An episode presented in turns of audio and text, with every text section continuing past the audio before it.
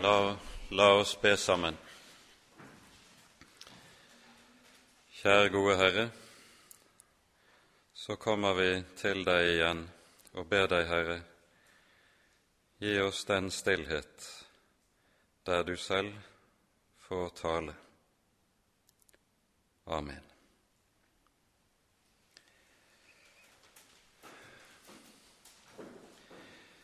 Vi eh, gjør det da slik at vi leser sammen Salme 118 i sin eh, sammenheng nå til innledning. Høres det greit?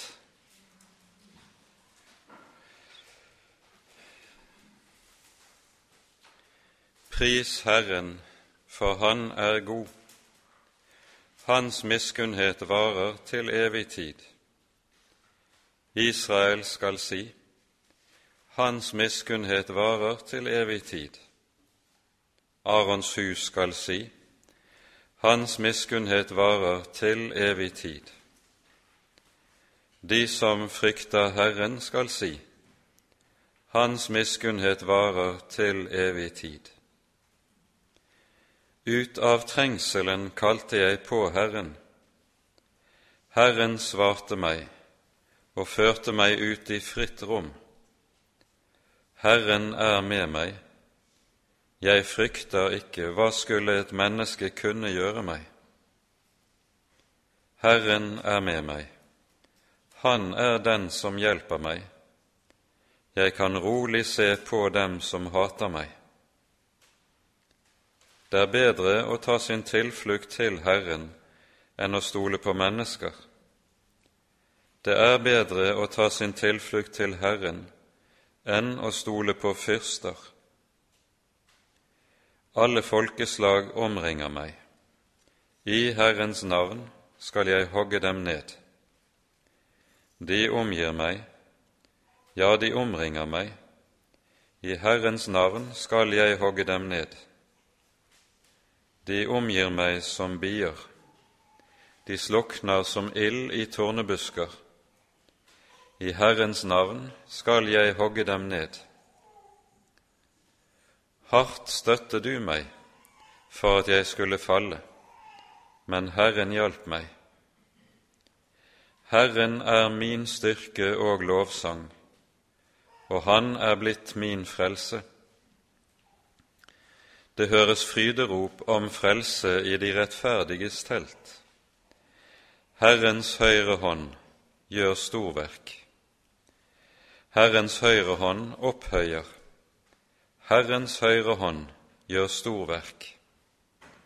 Jeg skal ikke dø, men leve og fortelle Herrens gjerninger. Hardt tuktet Herren meg, men til døden overga han meg ikke. Lukk opp rettferdighetens porter for meg.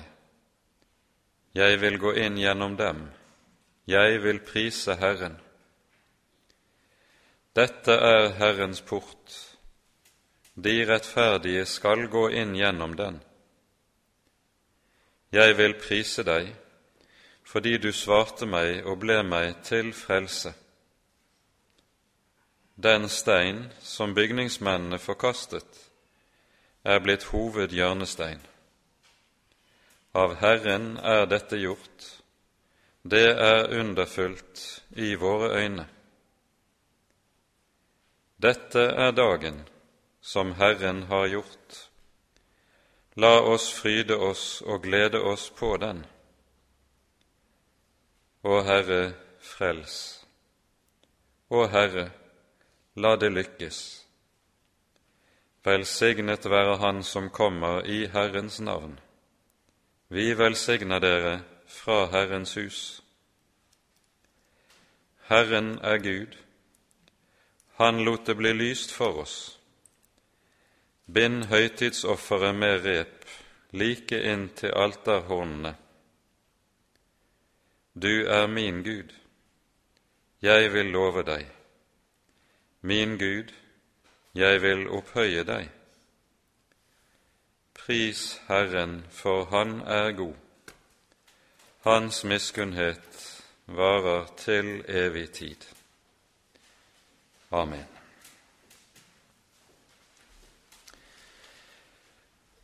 Den salmen som vi nå har lest, den hører til en gruppe salmer som kalles for Hallel-salmene. Det er salmene som går fra salme 113 til og med salme 118. De ble altså sunget under påskemåltidet.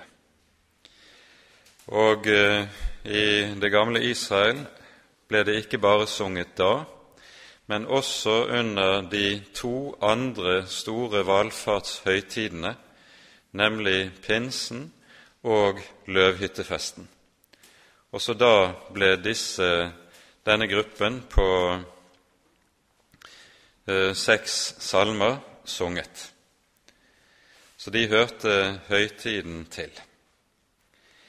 I tillegg så har denne salme 118 en særlig betydning, fordi siste halvdelen av den, der møter vi en rekke vers som kommer til å bli helt sentrale i Det nye testamentet i det vi leser i evangeliene. Vi skal komme til det etter hvert. Kirkehistorisk så har Salme 118 også den betydning at dette var Martin Luther sin kjæreste salme. Det er den salmen i Salmenes bok han kaller sin salme fremfor alle andre salmer. Det kommer kanskje som en overraskelse. Man ville gjerne forventet at det kanskje var Salme 51 f.eks., eller Salme 32 som han ville kalt som sin kjæreste salme.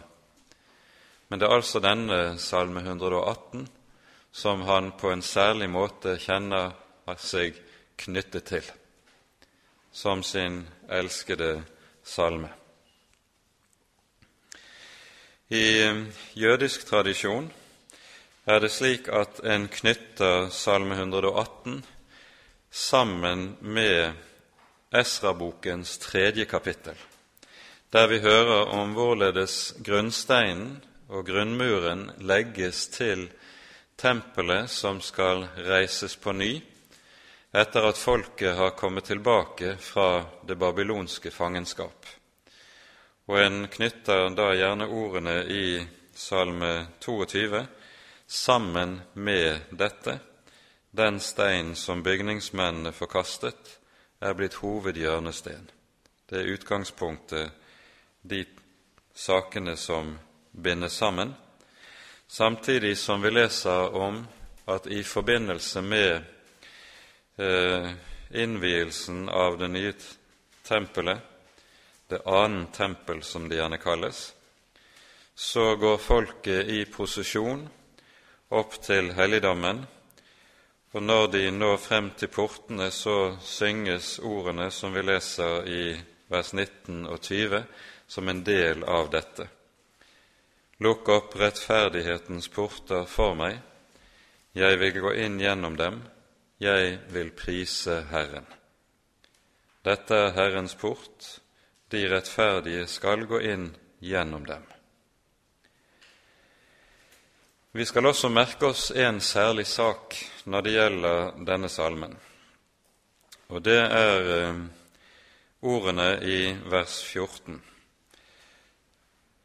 Herren er min styrke og lovsang, og Han er blitt min frelse.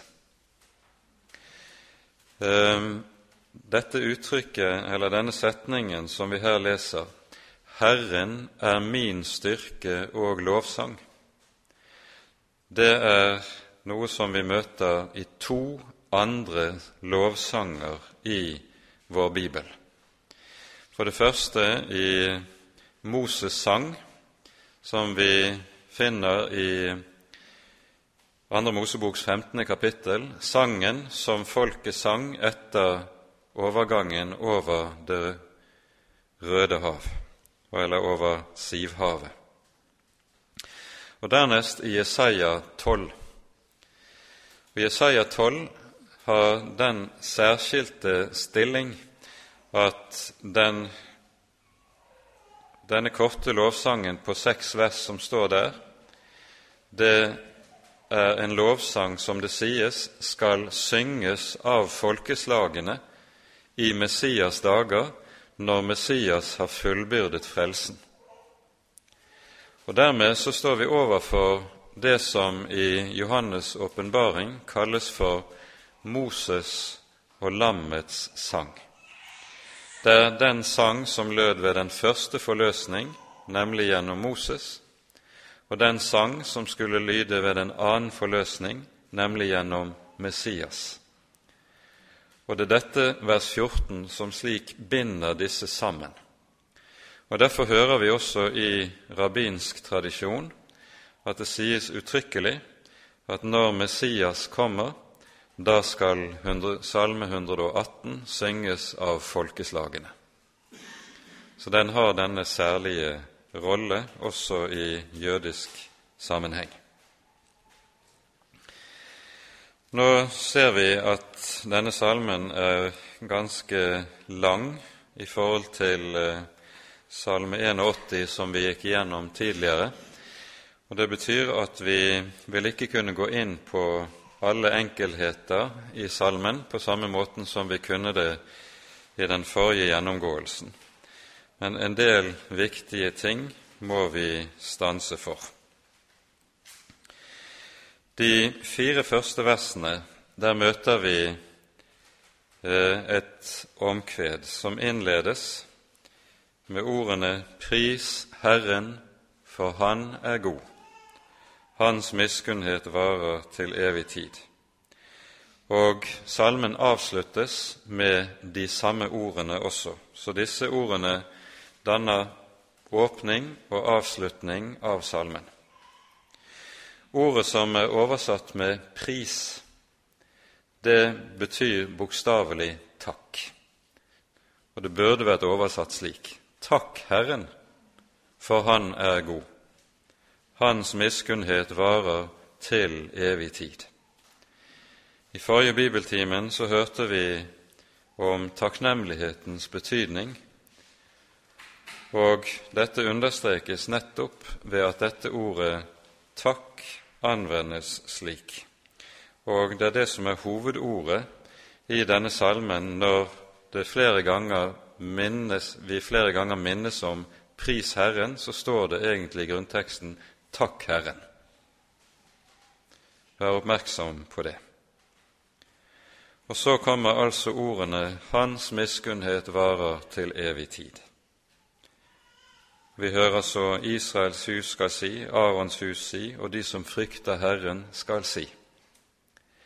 Poenget med det vi her leser, det er at dette er en vekselsang som foregår som en liturgi, der du har en forsanger som sier 'Pris Herren', og så svarer menigheten med fellessang 'Hans miskunnhet varer til evig tid'.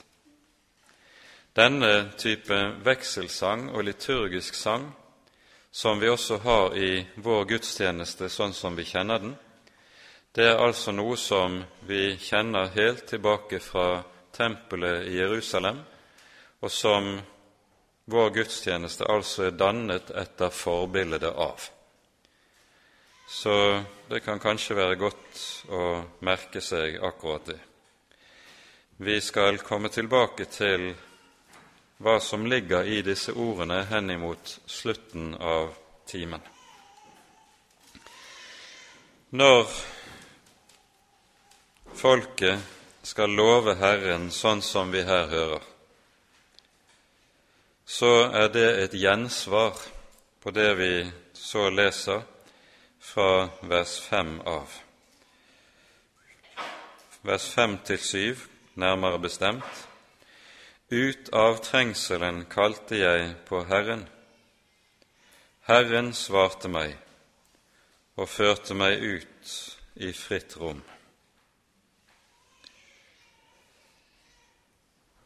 Når vi hører at salmisten slik gjenforteller ut av trengselen kalte jeg på Herren, så peker han på det som så ofte er det som er realiteten i bønnens liv. Det har gjerne vært formulert litt ironisk eh, når det blir sagt i forbindelse med folk som er på sjøen i stygt vær, og så sies det i slikt et vær får du mange bønner Gud. Vi mennesker er slik etter fallet at de gode dagene, det får bønnen til å sovne inn hos oss.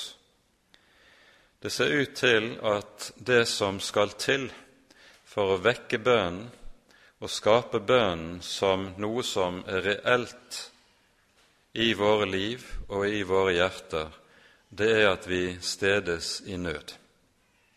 Enten nå den nøden er indre nød, samvittighetsnød, eller det er ytre nød som skal til.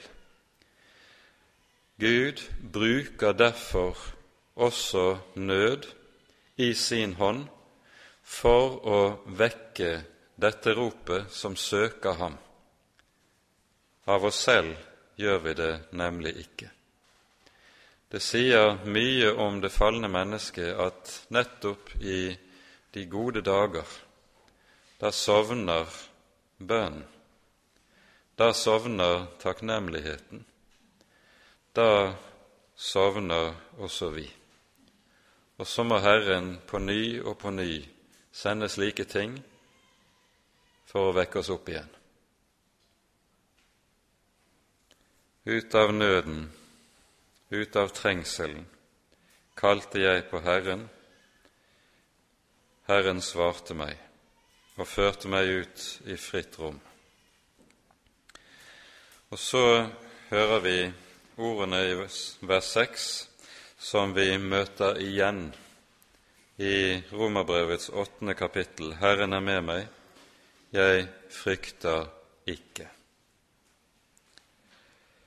Er Gud for oss, hvem kan da være imot oss? leser vi i Romerbrevet. Og disse ordene som nå følger fra vers 6 til og med vers 9, det er en meget klar konkretisering av hva det handler om. Hva skulle et menneske kunne gjøre meg? Det er bedre å ta sin tilflukt til Herren enn å stole på mennesker. Det er bedre å ta sin tilflukt til Herren enn å stole på fyrster. Det vi her står overfor, det er noe som vi møter meget hyppig i Salmenes bok, ikke minst hos David, nemlig det at han er i stor, stor nød på grunn av at mennesker står ham etter livet. Mennesker gjør ham ondt. Mennesker har lagt ham for hat. Ehm, den slags nød som David opplevde, opplever vel vi knapt maken til. Men vi kan sannelig komme i stor nød på grunn av hva mennesker kan gjøre imot oss. Nå sier eh, ordene i Efeserbrevet 6 som vi ble minnet om i går. Vi har ikke en kamp mot kjøtt og blod, men mot makter, mot myndigheter, mot verdens herrer i dette mørket. Og dette skal peke på for oss at en kristen skal aldri regne et menneske som sin fiende. Det kan et kristent menneske ikke gjøre. Men samtidig så skal vi også vite, og ikke gjøre oss andre illusjoner heller, at fiendskapet fra maktene og myndighetene, de er som regel noe som møter oss igjennom mennesker. Og så skal vi vite hvilke makt, hvilke makter det er som står bak, og er drivkraften i menneskers fiendskap og i menneskers ondskap. Samtidig skal vi altså understreke dette. Et kristent menneske skal ikke regne et annet menneske som sin fiende.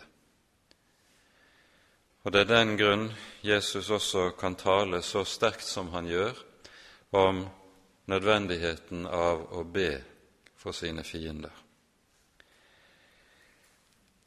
Ordene som vi hører her i vers 6, Herren er med meg, jeg frykter ikke, hva skulle et menneske kunne gjøre meg? De møter vi igjen i flere sammenhenger i Salmenes bok. Jeg vil her bare minne om Salme 56.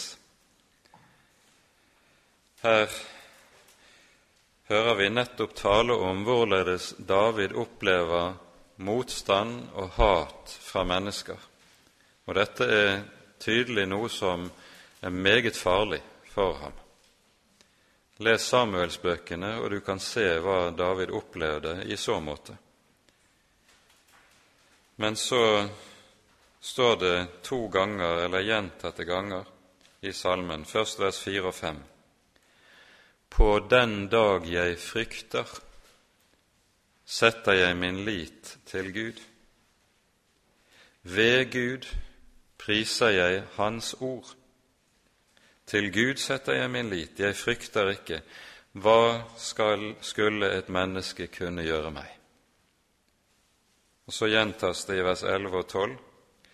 Ved Gud priser jeg Ordet. Ved Herren priser jeg Ordet. Til Gud setter jeg min lit. Jeg frykter ikke. Hva skulle et menneske kunne gjøre meg? To ting merker vi oss i denne sammenheng. For det første ville vi forvente, ut fra sånn som vi normalt tenker, at det burde vært formulert annerledes ved ordet priser jeg Gud. Men det står altså motsatt vei. Ved Gud priser jeg ordet. Noe som sier noe grunnleggende om ordets plass og betydning i et Guds barns liv. For det andre, det vi hører i vers 12, går inn i det som Jesus taler om når han advarer sine mot menneskefrykt. Frykt ikke for et menneske som bare kan slå legemet i hjel, hører vi i Matteus 10. Men frykt heller for ham som kan ødelegge både sjel og legeme i helvete. Drastisk radikale ord, men som der Jesus meget radikalt også tar på alvor hva vi står overfor, og hva som er noe av det som er vanskelig for oss mennesker å håndtere menneskefrykten. Vi slipper å oppleve forfølgelse på kroppen i landet vårt. Men vi vet allikevel at selv om vi ikke behøver å oppleve slikt, så frykter vi likevel for hva mennesker tenker om oss dersom vi skal tone flagg som kristne.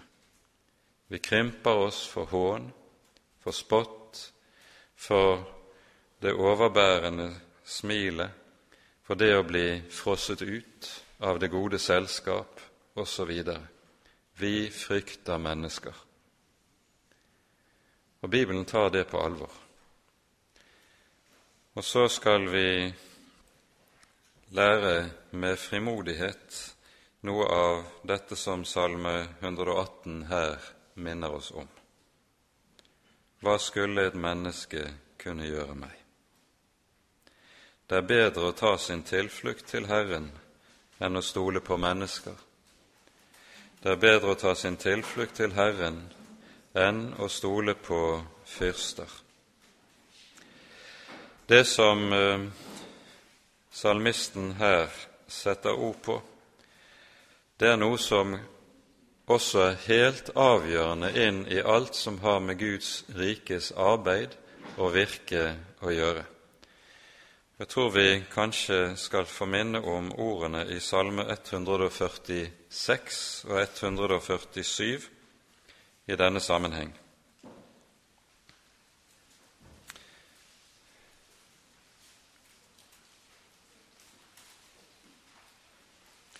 Vi leser først Salme 147, vers 10 og 11. Herren har ikke glede eller ikke behag i hestens styrke. Han har ikke behag i mannens ben. Herren har behag i dem som frykter ham, og som venter på hans miskunnhet. Spørsmålet er stoler en på menneskers styrke, på ytre menneskelige tiltak, kraft, påfunn, det vi kan bidra med? Eller dreier det seg om dette å vente på Hans miskunnhet?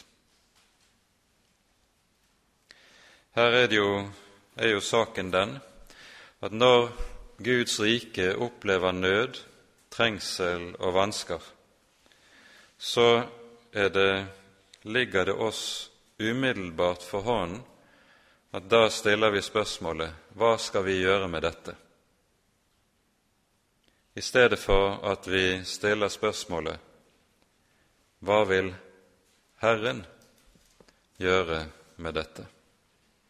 Og så bie på Herren. Et veldig konkret uttrykk for dette har vi i Jesaja-bokens 30. kapittel. Her er Israels folk trengt av det som var datidens store verdensmakt, Asyria. Jerusalem er kringsatt, og den lille nasjonen Juda hadde ingenting å stille opp mot verdensmakten. Noen år tidligere hadde Asyria erobret Nordriket i Israel.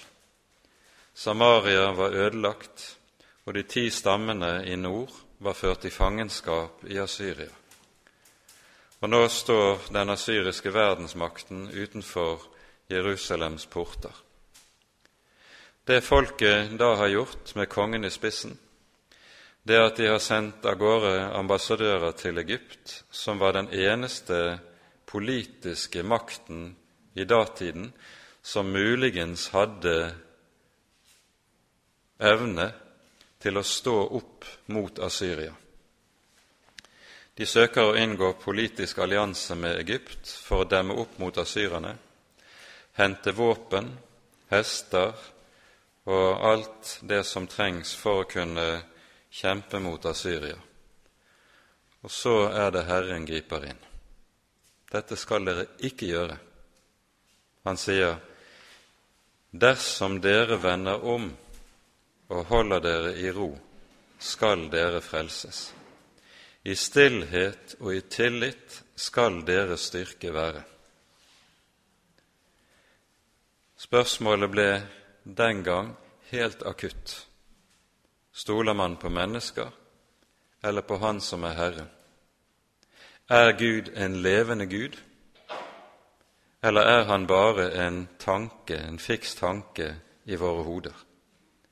Det som prøves i en sånn situasjon, er helt konkret dette Stoler vi på at Gud er Gud, og at Han har gitt sitt ord og står ved det? Det var det som var det akutte, den akutte nød for Israel i situasjonen den gang. Kongen vender om, bøyer seg for profetens ord. Og så opplever folket ved denne anledning å utfris på samme vis som folket ble utfridd fra Egypten, verdensmakten, fem, seks, syv hundre år forut. Herren skal stride for dere, og dere skal være stille, lød det den gangen. Og dette er slike sannheter som Skriften med dette understreker for oss, og som vi ikke skal bli fort ferdig med. For det ligger så nær for oss stadig når vi står overfor utfordringer, som han kaller det for, vansker eller nød i Guds rikes arbeid, og stille spørsmålet hva har vi å stille opp med i denne sammenheng? Har vi ressurser til å håndtere situasjonen? Det er det vi spør om, i stedet for å stille spørsmålet Hvem er Herren? Hva har Han lovet? Og å stille spørsmålet Disse vansker vi står oppi nå, kanskje det er kall til bot, til omvendelse for vårt eget vedkommende, og at det var det vi skulle gjøre fremfor alt annet. Det er bedre å ta sin tilflukt til Herren enn å stole på mennesker. Det er bedre å ta sin tilflukt til Herren enn å stole på fyrster. En kort bemerkning til disse begrepene som anvendes i denne sammenheng. Ordet som er oversatt med 'å ta sin tilflukt til', det er et ord som nettopp bokstavelig betyr det. Eh, du kan eh, godt oversette det med å søke inn i et tilfluktsrom. Tilfluktsrommet er det stedet du søker ly når alt annet raser utenfor. Det eneste stedet du har reell beskyttelse. Og så blir Herren og kalles Herren et slikt tilfluktsrom. Ordet som oversettes med 'å stole på', det er et ord som betegner det at man liter på ham som har kommet med sin hjelp. Hjelpen er nærværende, og derfor liter en på Han som skjenker den. Så kommer det noen vers som uh, ofte kan føles vanskelig å lese for en kristen vers 10 til 12. Alle folkeslag omringer meg, i Herrens navn skal jeg hogge dem ned, er de oversatt med i våre bibler. Det verbet som er oversatt med å hogge ned, det er, kommer av et ord som bokstavelig betyr å stå tvers overfor. Og eh, derfor vil det nok kunne bedre oversettes med i Herrens navn vil jeg stå ansikt til ansikt med mine fiender. Eh, på engelsk kan det sies mye bedre. Eh, In the name of the Lord I may face my enemies. Det gir en veldig bokstavelig omsetning av dette. En møter ikke fienden i eget navn, men i Hans navn, som er Herre.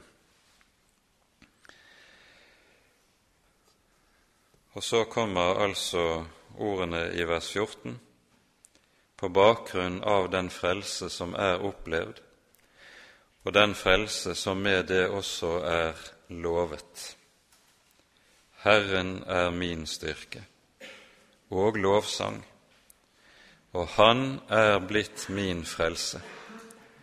Legg merke til at det står ikke 'Herren har gitt frelse', men det står 'Herren er blitt min frelse'. For frelsen er i Herrens egen person. Det er Herrens person som er vår frelse. Og Derfor er det at Herren Jesus også bærer det navn han bærer.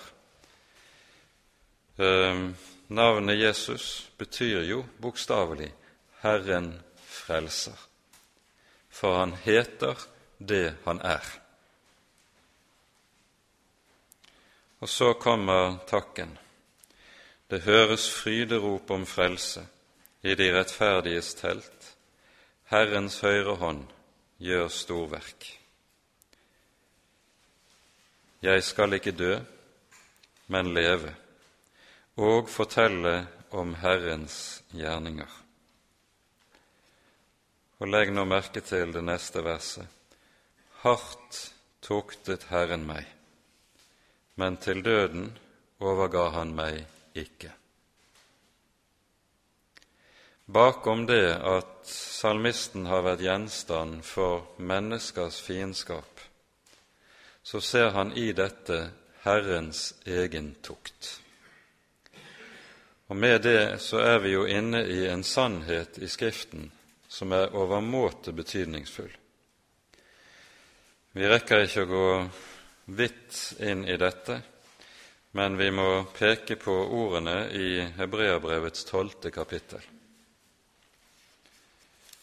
der det just er tale om hvorledes Herren tukter. Vi leser fra Hebreane 12, fra vers 5. Dere har glemt den formaning som taler til dere som til barn. Min sønn, forakt ikke Herrens tukt, og mist ikke motet når du blir refset av ham. For den Herren elsker, den tukter han og han hudstryker hver sønn han tar seg av. Det er for tuktens skyld at dere tåler lidelse. Gud handler med dere som med sønner. For hvem er vel den sønn som hans far ikke tukter?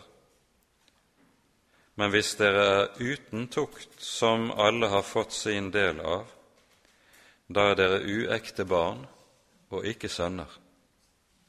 Dessuten, vi hadde våre jordiske fedre til å tukte oss, og vi hadde ærefrykt for dem.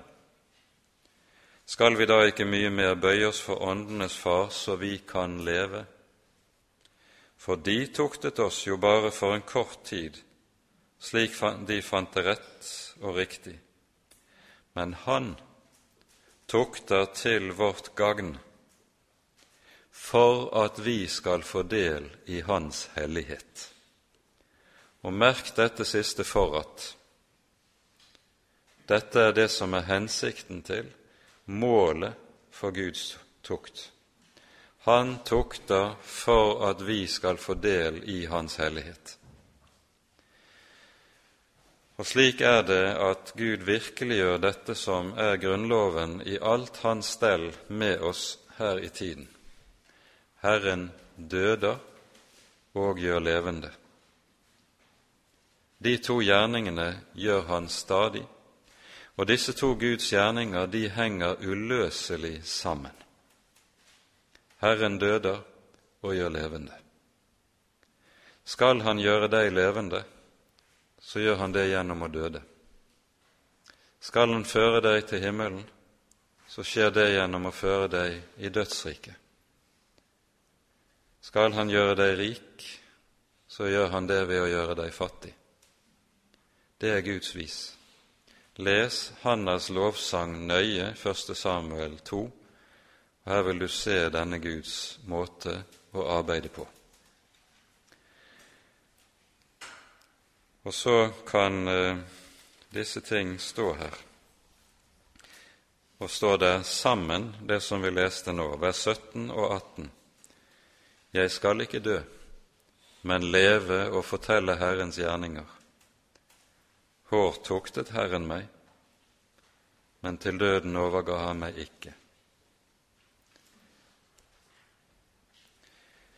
Og så kommer vi inn i det avsnittet som altså får en sånn veldig betydning inn i Det nye testamentet. Og vi må her nøye oss med å stanse opp for et par av versene. For det første så er det jo slik at vers 25 og vers 26 det er ord som møter oss på palmesøndagen i Jerusalem, når Jesus rir inn og hylles av folkeskaren idet han rider ned Oljeberget inn mot byen. Å Herre, frels, og Herre, la det lykkes det er Hosianna-ropet. Hosianna, Davids sønn. Hosianna i det høyeste. Hosianna-ropet betyr nettopp 'Å Herre, frels'. Det er et bønnerop i en spesiell form som eh, markerer stor ærbødighet overfor den en roper til, Hosianna, Å Herre frels. Å Herre, la det lykkes. Det er ordet, samme ordet som anvendes i Salme 1, der det står om treet som er plantet ved rinnende bekker, hvis, som bærer sin frukt i sin tid, hvis bladet ikke visner, står det, og alt hva han gjør, skal han ha lykke til. Det står altså under Den helliges velsignelse. Og så kommer ordet 'velsignet være Han', som kommer i Herrens navn. Og Disse ordene synges jo søndag etter søndag hos oss når vi synger nadværliturgien, der vi minner hverandre om disse grunnleggende sannhetene som er gitt i dette avsnittet i Skriften, minner hverandre om Kristi inntog i Jerusalem, og ikke minst det at det som vi leser i vers 26, det knyttes av Jesus selv i Matteus 23 sammen med en særlig sak. Vi leser Matteus 23 eh, fra vers 37.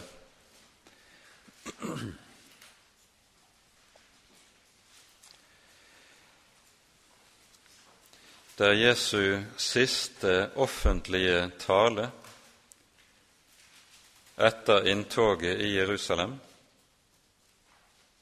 Og så fra disse ordene er talt av, så drar Jesus seg tilbake og er alene med disiplene de siste, siste, de siste dagene i den stille uke før lidelsen.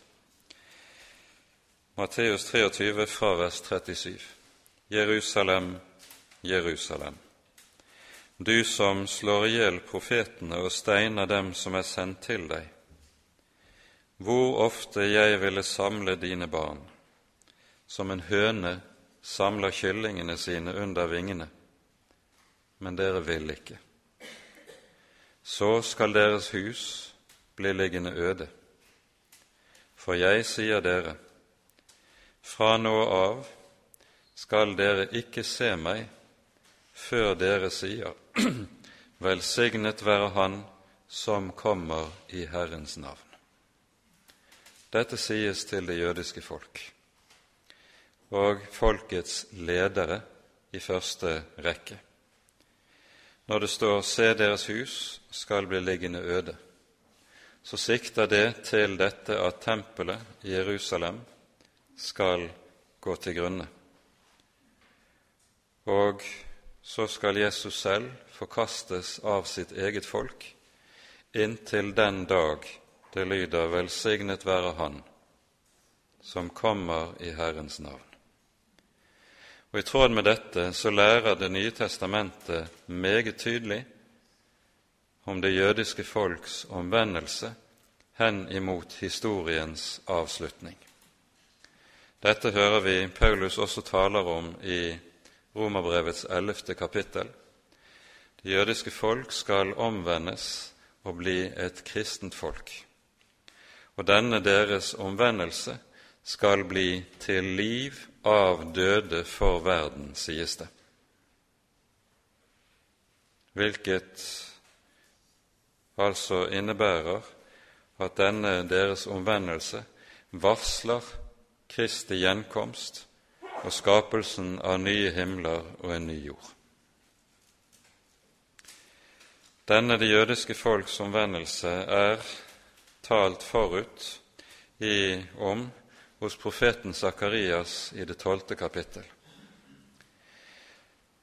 Det er knyttet sammen med at Israels folk opplever en trengselstid så stor som det knapt har vært siden historiens begynnelse. Og så står det om nettopp denne tid, men over Jerusalems innbyggere vil jeg i de dager utgyde nådens og bønnens ånd og de skal skue opp til meg som de har gjennomstunget, og de skal gråte over ham som en gråter over sin førstefødte. Merk, det sies ikke de skal gråte, de skal skue opp til ham som de har gjennomstunget.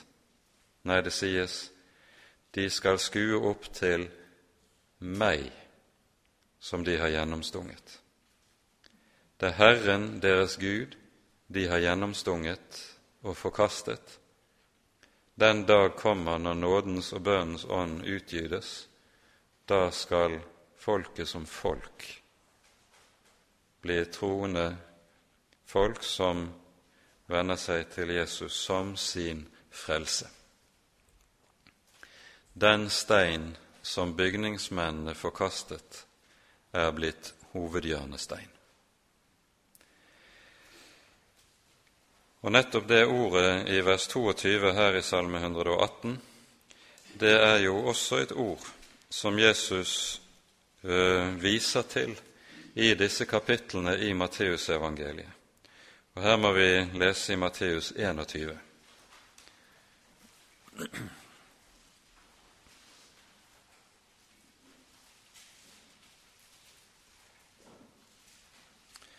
Vi leser fra vers 42. Da sa Jesus til dem, Har dere aldri lest i Skriftene? Steinen som bygningsmennene forkastet, den er blitt hjørnestein. Av Herren er dette gjort, og underfullt er det i våre øyne. Derfor sier jeg dere, Guds rike skal tas fra dere og gis til et folk som bærer dets frukter. Og den som faller på denne stein, skal knuses, men den som steinen faller på, skal den smuldre til støv. Dypt, dypt alvorlige ord om hva det skal medføre å forkaste steinen, hjørnesteinen, til huset. Det er underlig å tenke på at en av middelalderens aller største skriftutleggere i jødisk tradisjon, Rashi. Han utlegger dette ordet i Salme 118 om steinen som blir hovedhjørnestein, nettopp som et ord som taler om Messias. Og han knytter det sammen med, for det første, ordene i Mika 5.1, der hvor det taler om at Messias skal fødes i Betlehem, hans utgang skal være fra evighetsdager, sies det. Dette er den stein som bygningsmennene forkastet, sier han. Og så knytter han videre til ordene i Salme 72, som er en salme som i sin helhet taler om den kommende Messias. Der står det i det 17. verset Så lenge solen skinner, skal hans navn være, og hans navn skal skyte friske skudd så lenge solen skinner. På grunnteksten så er ordet som oversettes med 'skyte friske skudd', det er et ord som lyder 'ginon' og det er i jødisk tradisjon et navn på Messias. Og da kunne det oversettes slik så lenge solen skinner, skal hans navn være Jinon. Det er steinen som ble forkastet av bygningsmennene, men som er blitt hovedhjørnesten. Vi hører i apostelgjerningenes fjerde kapittel når Peter og Johannes er arrestert etter at de har eh, blitt redskap til at en lam er blitt helbredet ved inngangsporten til tempelet, så får eh, Peter anledning til å avlegge vitnesbyrd overfor Det høye råd. Og vi leser her eh, fra vers 8 til 12 i apostelgjerningene 4. Da sa Peter til dem, fylt av Den hellige ånd, dere folkets rådsherrer og Israels eldste. Når vi i dag blir forhørt på grunn av en velgjerning mot et sykt menneske, og skal svare for hva han er blitt helbredet ved, så la det være kunngjort for dere alle og for hele Israels folk at ved Jesu Kristi, Nasareerens navn, han som dere korsfestet, han som Gud reiste opp fra de døde, ved ham står denne mann helbredet for deres øyne. Han er den steinen som ble forkastet av dere bygningsmenn, men som er blitt hovedhjørnestein. Og det er ikke frelse i noen annen, for det fins ikke noe annet navn under himmelen gitt blant mennesker som vi kan bli frelst ved. Og slik hører vi Peters frimodige vitnesbyrd innenfor Det høye råd, der vitnesbyrdet om Jesus nettopp knyttes til ordene i Salme 118. Den stein som bygningsmennene forkastet, er blitt hovedhjørnestein. På denne klippet vil jeg bygge min kirke, sier Jesus i Matteus 16. Og i 1. Peters brevs annet kapittel knyttes det igjen til dette ordet og vi må også ta oss tid til å lese et par vers fra 1. Peter 2.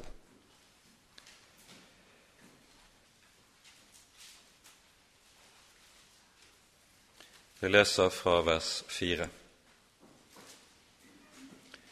Kom til ham, den levende stein, som vel bevaket av mennesker, men er utvalgt og dyrebar for Gud og bli også dere selv oppbygget som levende steiner til et åndelig hus, til et hellig presteskap, til å bære frem åndelige offer, slike som er Gud til behag, ved Kristus Jesus. For det heter i Skriften:" Se, jeg legger i Sion en hjørnestein, utvalgt og dyrebar. Den som tror på ham, skal ikke bli til skamme.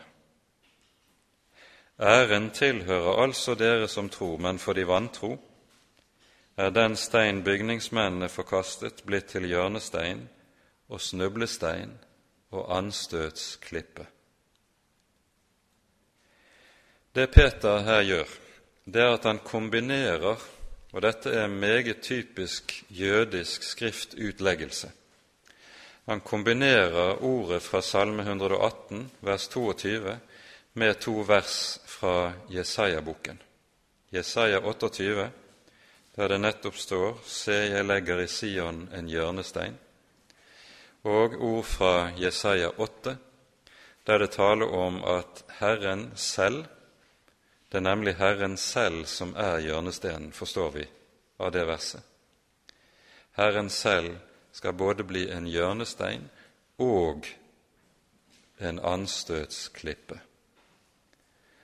Og det er i tråd med dette, slike ord som dette, at gamle Simeon i tempelet tar Jesusbarnet på sine armer og bryter ut Se, denne er satt til fall og til oppreisning for mange i Israel. Mye mer kunne sies, vi har ikke tid til det. Men salmen munner altså ut i omkvedet som også innleder salmen. Takk Herren, for Han er god, Hans miskunnhet varer til evig tid. Et omkved som hviler i nettopp det vi har lest i Salme 22, der det dreier seg også om det som vi ble minnet om i forrige time, det salige bytte. Når Gud kan være god mot deg og mot meg, så er det fordi Guds sønn ikke fikk smake godhet, men vrede.